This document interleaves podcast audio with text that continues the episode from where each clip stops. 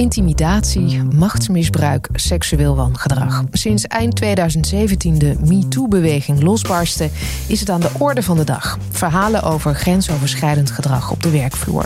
Misstanden worden vaker gemeld en dat is goed nieuws. Maar op de integriteitsonderzoeken die volgen is veel aan te merken.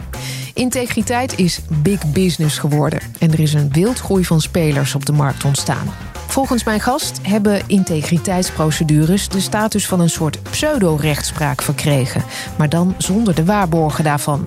Zelf doet hij ook onderzoek bij verschillende organisaties, van ziekenhuizen tot advocatenkantoren.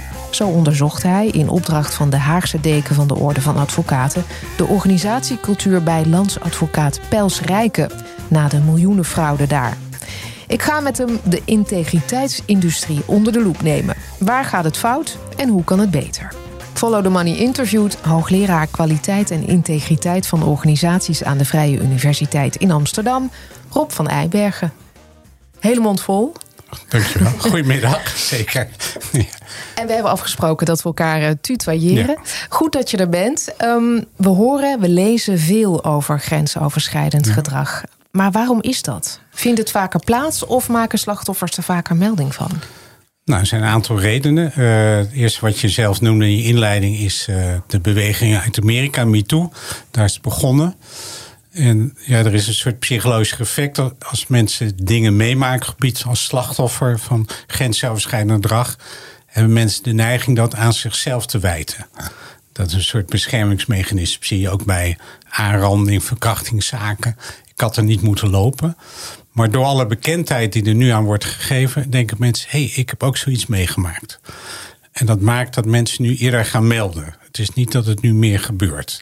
Dus dat is een belangrijke reden.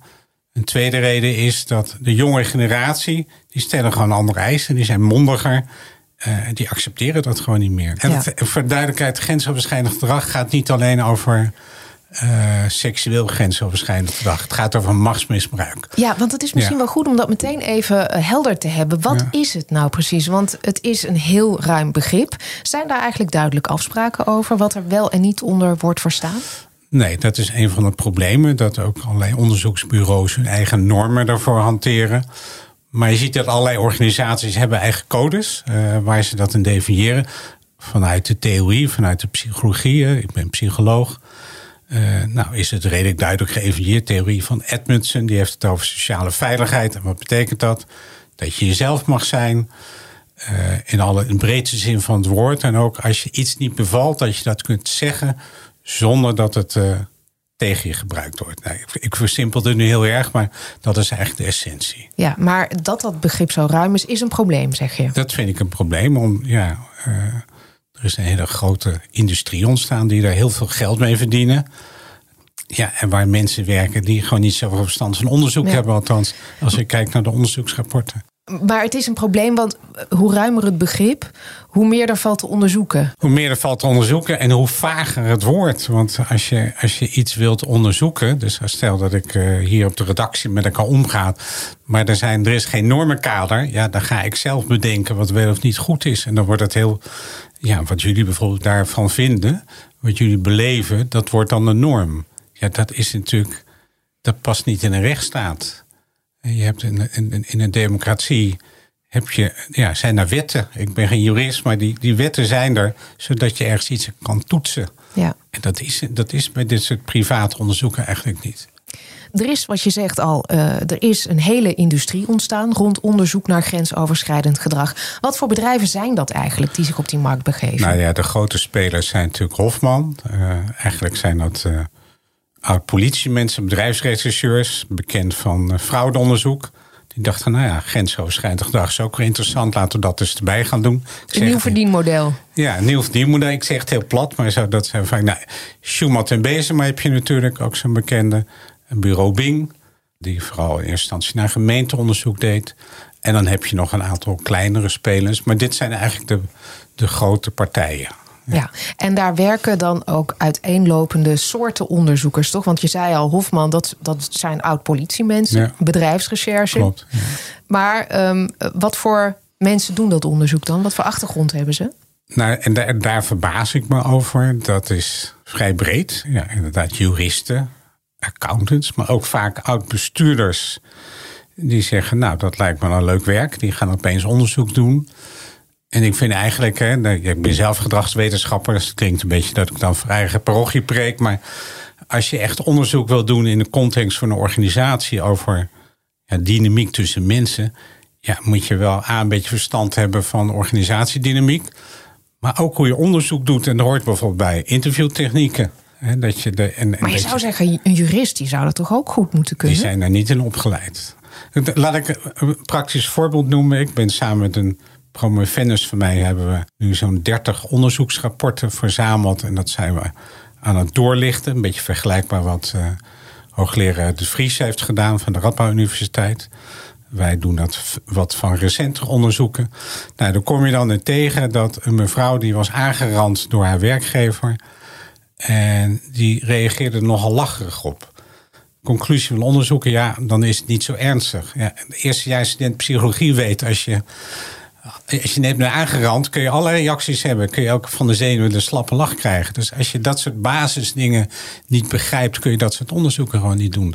Dan trek je hele verkeerde conclusies. Wat zijn volgens jou, want je zegt we zijn ze aan het onderzoeken, die rapporten. Dat zijn allemaal rapporten van private partijen? Allemaal van private partijen. Van, de, van de grote bureaus waar we het net over hebben. Ja, En, en wat zijn dan eh, de grootste problemen met dat soort onderzoeken eh, waar jij nu al achter komt?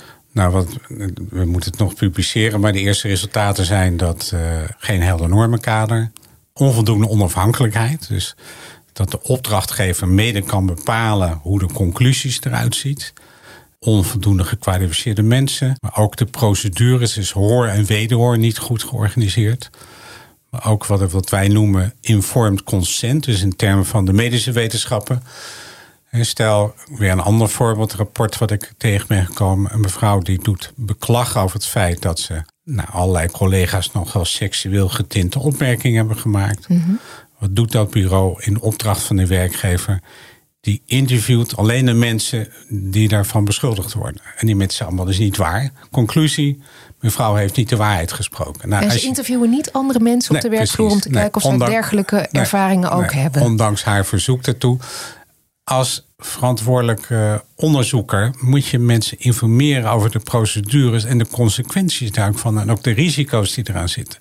Wil je op basis daarvan meewerken? Nou Want in dit geval is zo'n onderzoek dus uh, heel schadelijk geweest voor juist degene die het is overkomen. En de opdrachtgever zegt: zie je wel, er is niks aan de hand. En uh, ja, mevrouw uh, ja. naar de rechter toe en nou, verloren. Dat is dat is wat er dan gebeurt. Het is eigenlijk een heel triest verhaal. Ik weet niet natuurlijk wat er precies is gebeurd, maar je kunt op zijn minst zeggen dat de procedure niet deugt. Wat je een soort, ik noem dat een reflex bij integriteitsissue, dat er altijd op zoek moet worden gegaan naar een schuldige. Terwijl het eigenlijk veel complexer dan dat is. Ik vind het, ik doe ook onderzoek. Ja, als ik onderzoeken doe, kijk ik in organisaties wat ze kunnen leren en hoe ze het kunnen verbeteren. Ik ga nooit onderzoek doen of iemand wel of niet schuldig is, omdat ik dat niet zo interessant vind. Dat laat ik graag aan politiemensen over. Dat vind ik ander soort werk. Maar de dynamiek in organisatie is vaak heel complex. Laten we bijvoorbeeld The Voice noemen. Uh, wat zie je daar? Nou, daar zijn voor ik heb dat onderzoek niet gedaan, maar voor zover we kunnen uit, uit de media kunnen lezen, zijn daar ernstige dingen gebeurd. Dan wordt er een advocatenkantoor ingehuurd, in dit geval van Doornen. Je komt tot de conclusie, ja, de daders die zijn echt wel, hebben nare dingen gedaan. Het is naar voor de slachtoffers, maar het ligt niet aan de organisatie. Dat wisten we eigenlijk van tevoren al dat dat eruit zou komen. Terwijl de werkelijkheid is veel complexer. Je hebt de daders die dat gedaan hebben, in dit geval de, de coaches, de, coaches. de bandleider. Maar je hebt ook mensen die wat we noemen de, de, de omstanders, de bijstanders die dat gezien hebben, die hebben niet ingegrepen. En je hebt ook de slachtoffers die onderdeel zijn geworden ook van die dynamiek. Wat bedoel je daar precies mee? Nou, laat ik een ander voorbeeld noemen. Je noemde, ik heb bij een aantal Zuidaskantoren, advocatenkantoren, heb ik onderzoek gedaan. En dan sprak ik student stagiaires die zeiden... de partners schreeuwen hier tegen mij. Maar ja, zo gaat het hier nu eenmaal.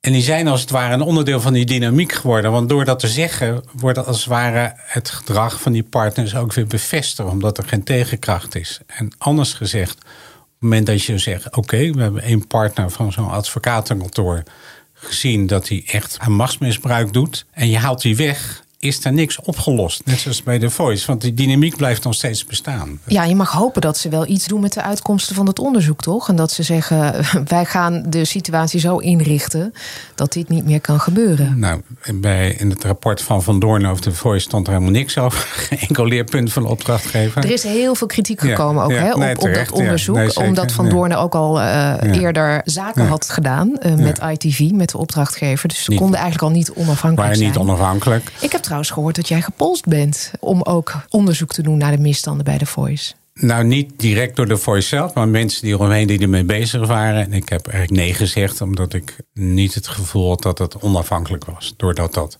advocatenkantoor erbij zat. Dus uh, per definitie, als je al leverancier bent, diensten verlevert aan een organisatie, moet je daarna geen onderzoek daar gaan doen. Dat komt natuurlijk heel raar over. Nou, daar is inderdaad heel veel, ook door de dekens, veel uh, discussie over of bureaus het wel moeten doen. ja. ja.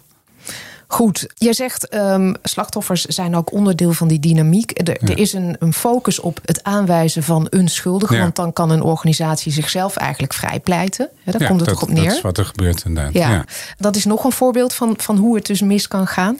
Je noemde net al hoogleraar bestuurskunde Michiel de Vries. En hij zegt ruim driekwart van de integriteitsonderzoeken is zeer ondeugdelijk. Strookt dat met jouw bevindingen? Ja, het strookt met mijn bevindingen dat het ondeugelijk is. Eh, maar ook dat het zo vaak verkeerd gaat. Ja, nee, zeker. Dat, daar ben ik het helemaal mee eens. Ik vind alleen dat hij wat te ver doorschiet. Alsof uh, uh, het is niet voor niets natuurlijk dat er aandacht is voor, voor grensoverschrijdend gedrag. En er is wel degelijk wat aan de hand. Ik bedoel, dus ik ben er niet op tegen dat situaties worden onderzocht.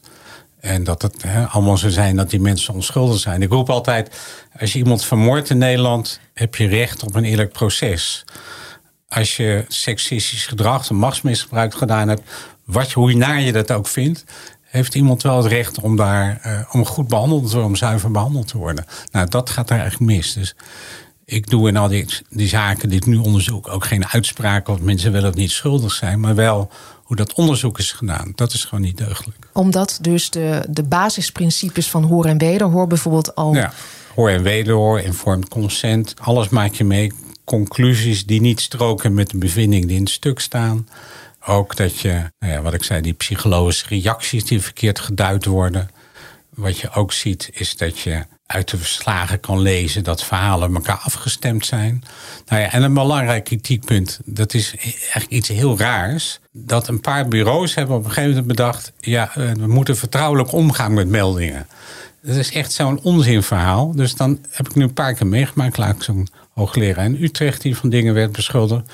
Pas een half jaar na dato hoorde hij überhaupt dat er onderzoek was ingesteld. Ja, dat kan gewoon niet. Nee, dit is een punt wat jij ook al vaker hebt gemaakt, ook in opiniestukken, dat de vertrouwelijkheid van informatie, die in veel van die integriteitskwesties geldt, dat dat een probleem is. Leg uit. Ik vind als iemand ergens van beschuldigd wordt, dat hij recht heeft, hij of zij, te weten waarvan. Heel simpel. En je kunt best wel uitzondering maken. Als het om hele gevoelige zaken gaat, die zegt, nou, ik hou de melder even anoniem. Maar waar iemand van beschuldigd wordt, moet van het begin af aan duidelijk zijn. Want je krijgt anders een soort proces van demonisering, wat ik nu een aantal keer heb meegemaakt. We hebben ook de casus van Gijs van Dijk gehad, hè, Tweede Kamerlid van de PvdA. Die uh, door twee, hij bleek een verhouding te hebben gehad met twee vriendinnen tegelijkertijd. Kun je van alles van vinden, maar had niet zoveel met zijn werk in de Tweede Kamer te maken. Ja, en die werd helemaal. Het NOS-journaal kopte met. Gijs van Dijk wordt weggestuurd wegens grensoverschrijdend gedrag. Dat onderzoek sloeg echt helemaal nergens op. Ik heb daar goed naar gekeken. Het bleken twee verklaringen te zijn van mensen die niet zorgvuldig zijn behandeld, maar geen reden om iemand zo helemaal te demoniseren.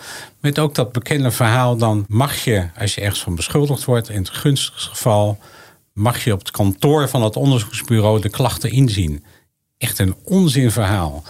Moet je je voorstellen dat in een strafrecht gebeurt. Je wordt ergens van beschuldigd. En dan mag je even het politiebureau inzien waar je van beschuldigd wordt. Je hebt het recht om daar goed naar te mogen kijken, zodat je je kunt verdedigen. Dat is... Maar het belemmert ook de waarheidsvinding. Omdat je krijgt een soort tunnelvisie van, van onderzoekers die steeds meer feiten gaan verzamelen, maar eigenlijk niet weten wat de andere kant van het verhaal is. En dan, maar moet je weten wie een klacht heeft ingediend of een melding heeft gemaakt om daar adequaat op te kunnen reageren? Is het niet voldoende om te weten waar die klacht uit bestaat? Moet minimaal weten waar die klacht uit bestaat, maar ook dat ontbreekt vaak in de procedures. En ja, als het niet ernstige klachten zijn, zou ik zeggen, laat ook weten wie die klacht heeft ingediend. Daar is niks op tegen. Want wat je uiteindelijk wil, is niet de schuldigen zoeken, maar de situatie normaliseren. En kijken of je met elkaar in gesprek kunt gaan. En dat, die stap wordt ook vaak overgeslagen. En onderzoek is een heel zwaar middel. Maar waarom zou je eerst even kunnen kijken met een begeleider, met een vertrouwenspersoon, noem maar op. Wat is er nou gebeurd? Kunnen we het herstellen? Zijn er andere oplossing mogelijk. Dan ja, maar ik kan me voorstellen dat er ook situaties zijn die zo ernstig zijn dat je dat niet doet. Nee, maar bij nou, seksueel wangedrag. Ja, Zeker. Is het tegelijkertijd niet belangrijk dat je juist anoniem een melding kan doen als je iets is overkomen op de werkvloer, je je niet veilig voelt? Want als je die vertrouwelijkheid eruit haalt, ja, dan zou je misschien maar je mond houden. Ja, dat, dat is wat zo wordt aangenomen. Maar daar geloof ik eigenlijk helemaal niks van. Waarom niet? Ik, ik denk dat het heel erg helpt, ook voor de melders, als er transparantie is. Het draagt bij aan de waarheidsvinding. Als alle betrokken weten waar het over gaat.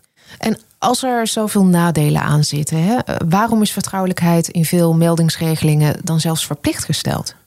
Dat is er ontstaan. Dat is, dat is, eh, want in het strafrecht is dat niet zo. Dus waarom zou dat nou bij, bij dit soort processen wel zo zijn? Een paar bureaus hebben dat op een gegeven moment bedacht dat dat goed zou werken. Maar... En zijn er ook gevallen waarin je wel in volledige vertrouwelijkheid of anonimiteit een misstand moet kunnen melden? Of moeten we er helemaal vanaf, volgens jou? Nou ja, als het echt gaat om een hele maatschappelijke misstand, dan heb je weer het Huis van Klokkenluiders voor. Hè? Dus over grootschalige fraude, bijvoorbeeld eh, bij Dupont laatst die grote milieuschandalen, wat nu een mhm. onderzoek is. Kan ik me voorstellen dat je dat ja, in eerste instantie in besloten kring kijkt. Maar vaak zijn dat al bijna strafbare feiten. En dan gaat er een hele andere molen of een hele andere procedure aan de gang. Ja, niet in gevallen van grensoverschrijdend gedrag. Nee. Dus, zeg jij. Nee. Laten we wat dieper ingaan op een concrete casus die veel in het nieuws is, waar Follow the Money ook meerdere malen over heeft geschreven. En dat is het onderzoek naar mogelijk grensoverschrijdend gedrag door oud-Kamervoorzitter Khadija Ariep. Ehm, ze zou een gevaar hebben gevormd voor ambtenaren die met haar samenwerkten. volgens Ariep is er zoveel mis met dat onderzoek, uitgevoerd door eh, Hofman dat ze het nu via de rechter probeert te laten stopzetten. Ook wil ze de Nederlandse staat, het presidium, dat is het dagelijks bestuur eh, van de Tweede Kamer, de gedelegeerd opdrachtgevers en Hofman aansprakelijk stellen. Sommige mensen zeggen, als Ariep onschuldig is, ja, dan zou ze toch gewoon moeten meewerken aan dat onderzoek. Dan komt er toch uit dat er niets aan de hand is. Wat zeg jij dan? Nou, het bevestigt een beetje wat ik eerder in dit gesprek zei. Is dat je wat ik vind, wat daar zou had moeten gebeuren... en misschien nog steeds, en niet een onderzoek naar, het gedrag van uh, Ariep... maar kijken wat is naar de hand met de veiligheid van ambtenaren in de Tweede Kamer. Onderzoekers van de Universiteit van Utrecht hebben een tijdje geleden onderzoek gedaan. De conclusie is, het is onveilig. Nou, borduur daar nou op voort. Ik denk dat dat veel zinniger is. Hoe is de relatie tussen het presidium en de ambtenaren? Hoe zijn de verhoudingen? En dan kan je best in de marge meenemen wat voor dingen zijn er nou misgegaan. Maar alleen maar de focus op is Ariep wel of niet schuldig. En daarnaast nou, een soort bijvraag over hoe zijn er met de meldingen omgegaan. Ik denk dat niemand daar wat aan heeft. En zeker nu niet meer. Alle hoofdpersonen zijn uh, vertrokken inmiddels. De griffier is vertrokken. Vera Bergkamp komt niet meer terug. Ariep zelf. Dus ik zit met verbazingen naar te kijken hoe, hoe, dat is gegaan. Ook collega's die zich hebben van mij, die zich hebben verlaten verleiden tot een soort gedelegeerd opdrachtgever, maar daar helemaal in zijn gezogen hele knullige brief die laatst gestuurd is. Die alleen maar meer onduidelijkheid oproept. Ja, we, we komen zo op die onderzoekers. Even beginnen bij het begin. Je zegt van uit dat onderzoek van de Universiteit Utrecht. Uh, inderdaad, die constateren dat er een veel breder probleem is. Daaruit zou je moeten concluderen: onderzoek naar organisatie breed. De hele Kamer, hoe je het zou kunnen verbeteren. Richt je niet alleen op Arie. Maar als zij inderdaad iets heeft gedaan wat niet door de beugel kan, zou je dat dan niet toch gewoon moeten onderzoeken? Ja, maar niet, wat mij betreft niet met zo'n smalle blik. Dat je alleen maar zegt, we gaan alleen maar kijken naar het gedrag van, uh, van Ariep. Het gaat over een organisatiedynamiek. Waarbij er een interactie is tussen nou, de topambtenaren, waar ook van alles over valt te zeggen, denk ik, Ja. en Ariep. En ik weet niet of Ariep wel of niet dingen heeft gedaan. Daar, dat, daar doe ik ook geen uitspraak over. Maar ik vind het zo'n raar onderzoek. Ik vind de onderzoeksvraag niet deugen en ook de wijze erop. Dat is eigenlijk wat ik bedoel met een raar, raar onderzoek. Je hebt eerder gezegd tegen Follow the Money... ik snap wel dat ze niet mee wil werken. Ja, nou ja, haar is de procedure opgelegd na heel veel moeite. Eerst moest ze niks weten. En toen uiteindelijk hebben we, uh, na, na wat druk is... ik weet niet precies hoe dat is gaan. Nou ja, nadat, zij juridisch ja, druk heeft uitgeoefend. Juridisch druk heeft uitgeoefend. Oké, okay, uh, mevrouw Riep, u mag bij ons op kantoor komen. Mag u het inzien? De, de brief, de, de anonieme de, de brieven? anonieme brieven mag, mocht, u in, mocht u inzien. Ja, ik zou daar niet aan meewerken. Want je wil op je gemak even kunnen kijken... waar je van beschuldigd wordt. Dus je wil volledige openheid over waar ze van beschuldigd is. En ik begrijp ook niet zo goed. Het gaat over de Tweede Kamer. Waarom zou het publiek niet mogen weten waar de beschuldigingen over gaan? En als je nou ergens bij een instituut transparant moet zijn, is het wel de Tweede Kamer. Als je daar niet goed doet, waar dan wel? En wat ik helemaal het toppunt vind in die, die brief die dan geschreven werd. Uh, Welke nou, brief? Want er zijn heel veel brieven ja, in deze zeker. zaak. Nou, er is laatst, uh, uh, onder andere volgens mij door de publicatie in Follow the Money, zijn er commissieleden, commissie werkwijze van de Tweede Kamer. Die maakt zich zorgen over het onderzoek. Mhm. En daar hebben de onderzoekers of de gedelegeerd opdrachtgevers, nou het loopt allemaal door elkaar. Nou, dat is wel een belangrijk dat Ja. het door elkaar loopt, toch? Ja, nou ja, belangrijk dat- punt. Ja, nee, ze- zeker een Het, het belangrijk waren punt. de opdrachtgevers. Het waren de opdrachtgevers, maar ze gedragen zich ook als de onderzoekers. Want ze zijn ook de woordvoerder. Dus, Ja. Maar ehm, goed, die zijn met een eh, reactie dus zijn we gekomen. de reactie gekomen. En daar wordt onder andere op verwijtende toon gesproken... dat mevrouw Ariep het, het proces heeft gejuridiseerd. Dan denk je, er, wordt een onderzoek tegen je ingesteld. Je weet niet waar het over gaat. En je huurt een advocaat in. Ja, en dat betekent dat je eigenlijk eh, dat onderzoek belemmert. Terwijl dat onderzoek eindeloos lang duurt. Ik bedoel, zijn onderzoek kan je echt in drie maanden doen. Dat is helemaal niet zo ingewikkeld. Gewoon, eh, Ja, het wordt haar eigenlijk verweten dat zij de boel heeft vertraagd. Ja. Door een advocatenkoppel in te nee, dat is schakelen. natuurlijk de wereld omdraaien. Eh, Je bent niet de enige die ehm, zegt dat dit onderzoek eh, onzorgvuldig verloopt. Er zijn meer experts die dit al eh, hebben gezegd. Wij spraken elkaar even voor deze opname. Toen zei hij: Het riekt naar een heel financieel gedreven onderzoek. wat niet onafhankelijk is. Nou ja, ik, ik, heb het idee dat Hofman zich hier helemaal in vastbijt. Omdat het volgens mij wel een hele aantrekkelijke opdracht is. Dus, eh, dus dat zou zeker eh, eh, meespelen. Want misschien om ons een beetje een beeld te geven hoor. Maar hoeveel kost zo'n onderzoek nou? Heb je daar enig idee van? Nou ja, wat ik van de rapporten die ik heb ingezien... ja, daar zie je echt bedragen van 100.000 euro of 150.000 euro. Terwijl, als je het even praktisch bekijkt, zijn onderzoek... laten we heel plat zeggen, doe je misschien 50 interviews. Nou, 200 euro per uur, zit je op eh 10.000 euro... En je hebt rapportage. Nou, voor 15.000 euro kan je best een onderzoek doen. Althans, in mijn begrippen. Maar dat zijn echt bizarre bedragen die daarvoor worden geregeld. Het is echt een industrie geworden. Je zei er zitten allemaal, het is een raar onderzoek. Ik wil even naar de rol van die hoogleraren. Collega's van jou, mag ik dat zo zeggen? Ja, collega hoogleraar. Collega hoogleraren. Um, volgens het presidium, onder leiding van Kamervoorzitter Vera Bergkamp, is er gekozen juist voor hoogleraren die optreden als gedelegeerd opdrachtgevers om die onafhankelijkheid te garanderen. Want ja. dan haal je het presidium eruit. Je laat een paar hoogleraren het contact hebben met het onderzoeksbureau met Hofman dus. En dan uh, is het onderzoek onafhankelijk. Nou ja, er zit natuurlijk hele rare geschiedenis aan. Want eerst was het idee dat uh, de griffier... die zou uh, opdrachtgever worden. Maar nu bleek later een van de melders te zijn. Toen was het idee dat het presidium ook daar niet zelf ook een mening over had. Toen deze constructie. Maar wat mij verbaast is niet op zich de constructie... maar hoe deze mensen zich opstellen. Want dan gaan ze, zijn ze nu woordvoerder van Hofman. Ja, dan, dan ben je geen onafhankelijke opdrachtgever meer. Ja, in die brief spreken ze ook over wij. Uh, ja. En dat doet vermoeden dat ze ook namens Hofman spreken. Ja. En dus. Niet onafhankelijk zijn, ja. Dus het is. De, ja, ik zei raar, maar het is vooral. Behalve dat het niet zoveel is, is het ook gewoon heel knullig of maar hoe onprofessioneel. Kan dat? Want dit zijn toch geen domme mensen? Ja, dat,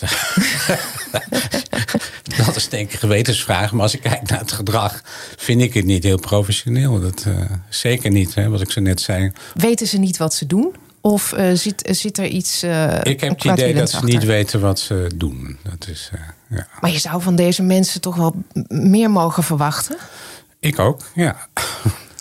Ja, als werkgever heb je natuurlijk ook tegelijkertijd de plicht om een veilige werkomgeving te creëren en een melding dus serieus te nemen.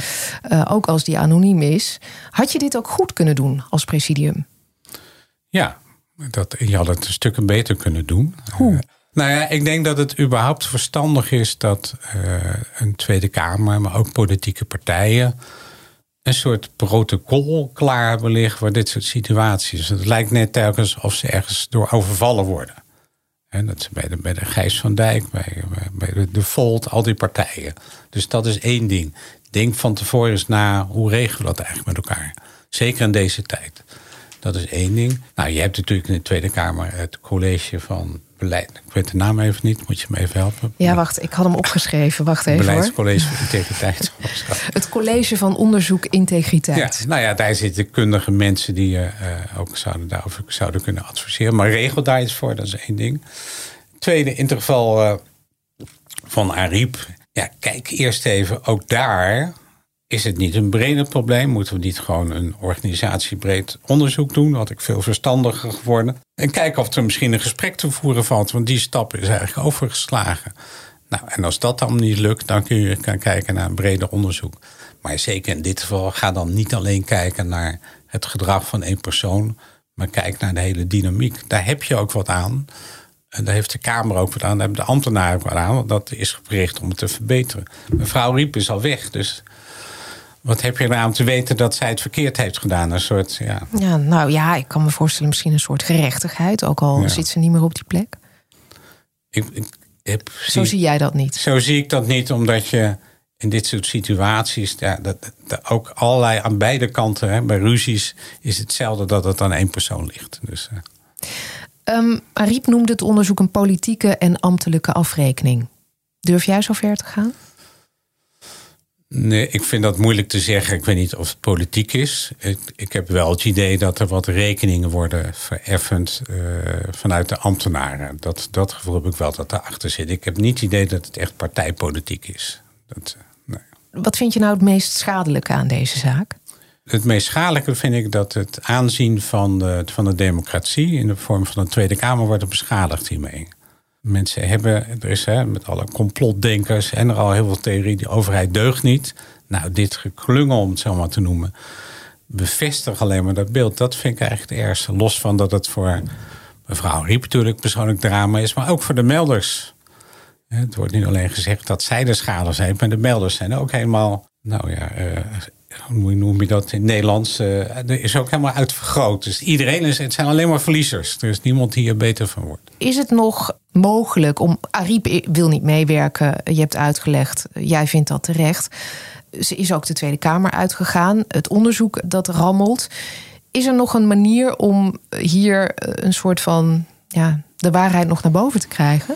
Ik denk het inmiddels niet meer, omdat het allemaal zo beschadigd is en vertroebeld is. Ik denk dat het verstandig is. Er komen allemaal nieuwe uh, mensen in de Tweede Kamer. Pieter Omzicht, die uh, met zijn nieuwe partij, die nou ja, echt praat over bestuurlijke vernieuwing, waar dat natuurlijk ook mee te maken heeft. Als Tweede Kamer uh, haalden wat verstandige mensen bij die nadenken: hoe kunnen we nou het werkklimaat in de Tweede Kamer tussen de politici, maar ook tussen politici en ambtenaren en ambtenaren onderling zo maken dat het een veilige werkomgeving is. Ik denk dat dat, dat, dat het beste is wat er nu moet gebeuren. En stop met dit onderzoek. Ja. Dat is jouw oproep, stop er gewoon mee. Ja. Nog even over dat bedrag wat Hofman hiervoor krijgt. Hè. Uh, dat wordt dus betaald van ons belastinggeld. Ja, zeker. Zijn daar nog regels voor? Uh, hoeveel mag zo'n onderzoek kosten? Kun je als uh, overheid oneindig veel geld hieraan besteden? Er zijn geen regels voor. Normaal heb je natuurlijk een aanbestedingsprocedure, dus inkoopprocedure, dat meerdere bureaus uh, zich kunnen melden.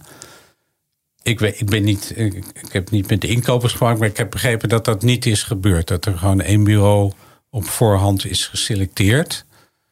En ik begreep ook van, uh, van je collega Jan Heijn dat dat al gebeurd was voordat het überhaupt in het presidium was besproken dat er aan bureau, uh, in dit geval Hofman, was gekozen. Maar er zijn geen regels voor. Er is überhaupt geen kader vanuit de overheid voor dit soort onderzoek, wat er wel zou moeten zijn, denk ik. Nou, ja. ja. Mariette Hamer is natuurlijk de regeringscommissaris aangesteld. Nou, die heeft er even over gedacht om een soort onderzoeksraad voor sociale veiligheid op te richten. Nou, dat leek toch niet zo'n goed plan.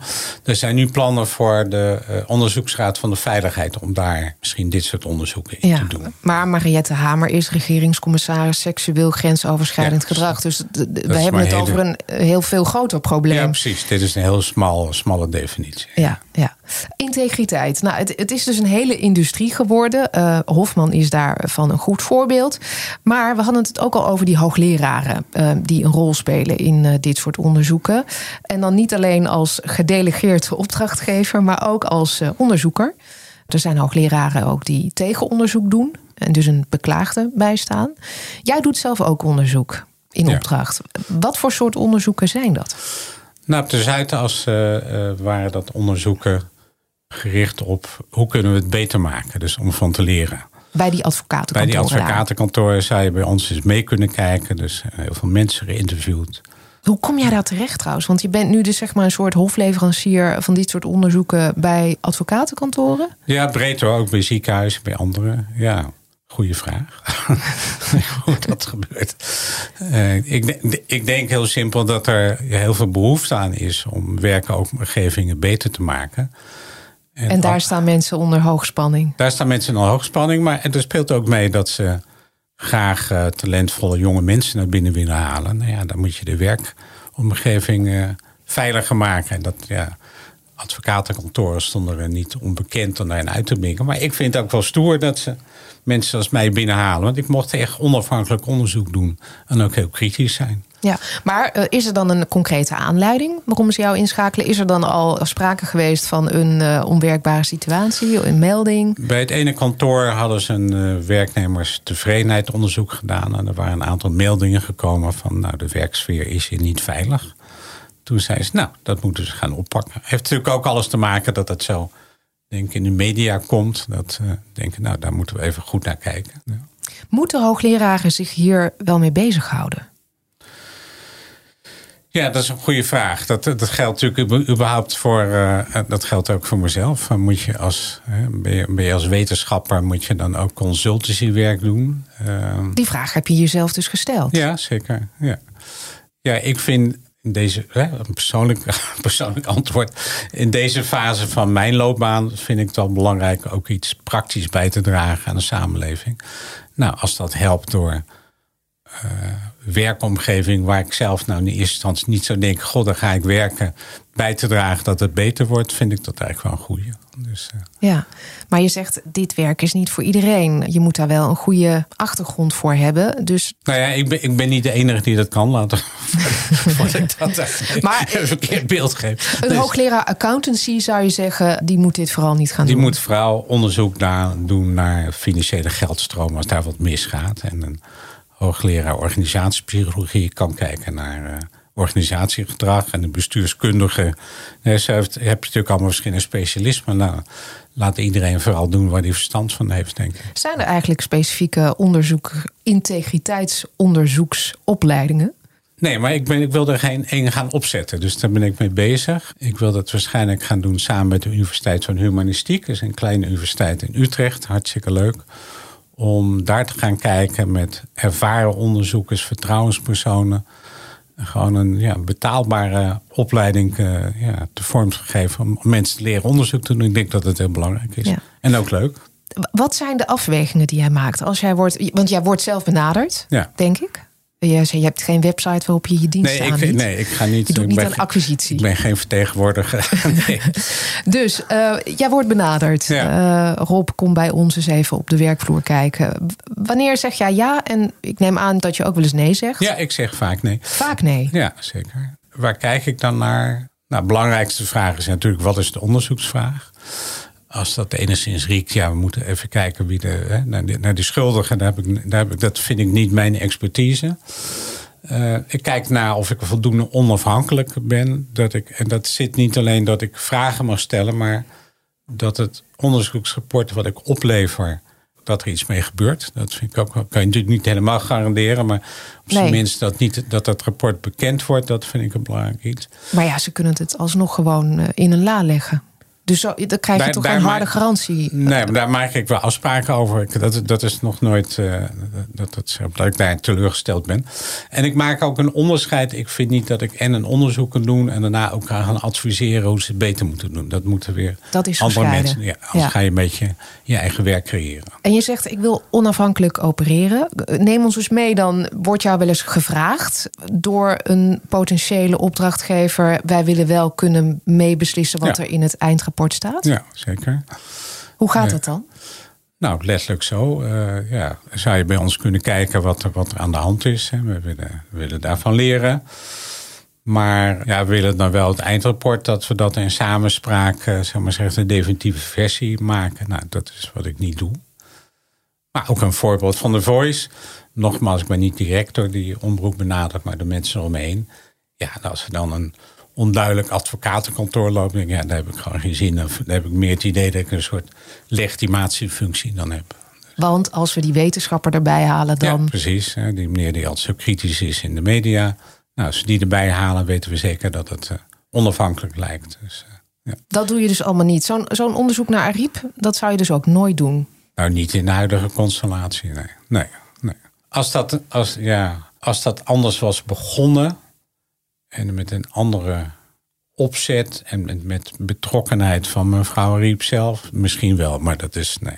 Dat is, Daar is nu geen sprake meer. Nee. Is er eigenlijk uh, iemand die toezicht houdt op die integriteitsindustrie? Nou, heel beperkt. Uh, officieel uh, mensen die nou, wat we noemen persoonsgericht of feitenonderzoek doen, of bureaus, die moeten daar vergunning voor hebben. Dat stelt niet zoveel voor.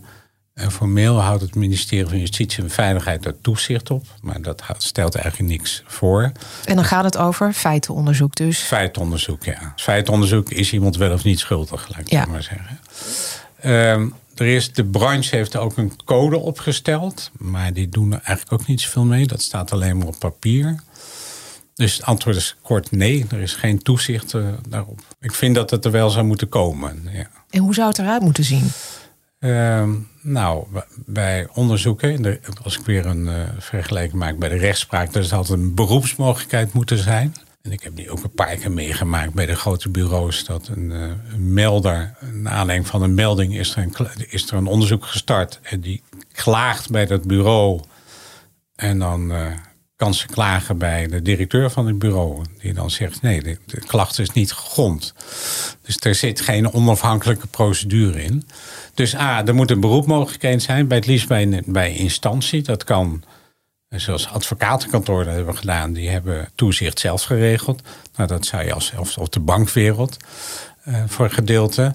Zo zou je dat kunnen doen, een onafhankelijk instituut die ernaar kijkt. Uh, maar je kunt het ook vanuit de overheid als taak zien dat er bepaalde kwaliteitseisen worden gesteld, uh, een soort certificering eisen niet alleen aan het bureau, maar ook aan de onderzoekers die dat bureau doen, als ze voldoende gekwalificeerd zijn. Steekproeven, daar zijn allerlei dingen op kunnen bedenken. Ja, goede ideeën, lijkt mij. Wordt er ook al over nagedacht? Op dit moment niet. Nee, nee. nee. Verbaast het je? Ja, dat verbaast me heel erg. Ja, ja, het, is ook, ja het is een rare wereld wat dat betreft. Ja ben benieuwd waar dat naartoe gaat. Ik roep dat nu al een aantal, aantal keren in, in, allerlei krantenstukken, noem op, wat ik daarvan vind. Even los van mensen naar mij moeten luisteren. Maar er is wel een discussie over gaande, maar ik heb niet het idee dat het beter wordt. Wat, wat zou dan wel verbetering in gang kunnen zetten? Ik denk, ja, als Wie is er nu aan zet? Als de sector het zelf niet doet, ja, dan, de, dan de overheid wat mij betreft. En dan, dan kijk ik toch naar het ministerie van Justitie en Veiligheid om daar iets voor te organiseren. Om de markt te reguleren? Ja, en dan niet om dat helemaal dood, uh, want procedures, dat is, maar minimale kwaliteitseisen, dat is denk ik wel nodig. Ja. Als de sector het zelf het niet doet, dat zou het beste zijn, dan moet de overheid doen. De sector is te klein, denk ik, om het zelf te doen. Er zijn natuurlijk maar een beperkt aantal spelers. Dus dan... Komen er nog nieuwe spelers bij? Want ja, als dit zo'n grote markt is, dan. Uh... Ja, er zijn telkens kleine eenpitters, uh, kleine bureaus. Ja, nee, het is echt iedereen stort zich erop. het is, Iedereen noemt zich ook specialist hierin. Dus, Wat je uiteindelijk wil, dus er is een ontzettende hoos rond grensoverschrijdend gedrag. Om dat bespreek te maken, ben ik heel positief over. Maar wat je uiteindelijk wil, is dat gewoon in organisatie mensen normale gesprekken met elkaar kunnen voeren. Hoe gaan we hier nou met elkaar om? Dat slaat nu helemaal los. En dat draagt niet bij aan een integere samenleving, integere organisaties. Integendeel zou ik zeggen. Het leidt ook tot een soort verkramping daardoor.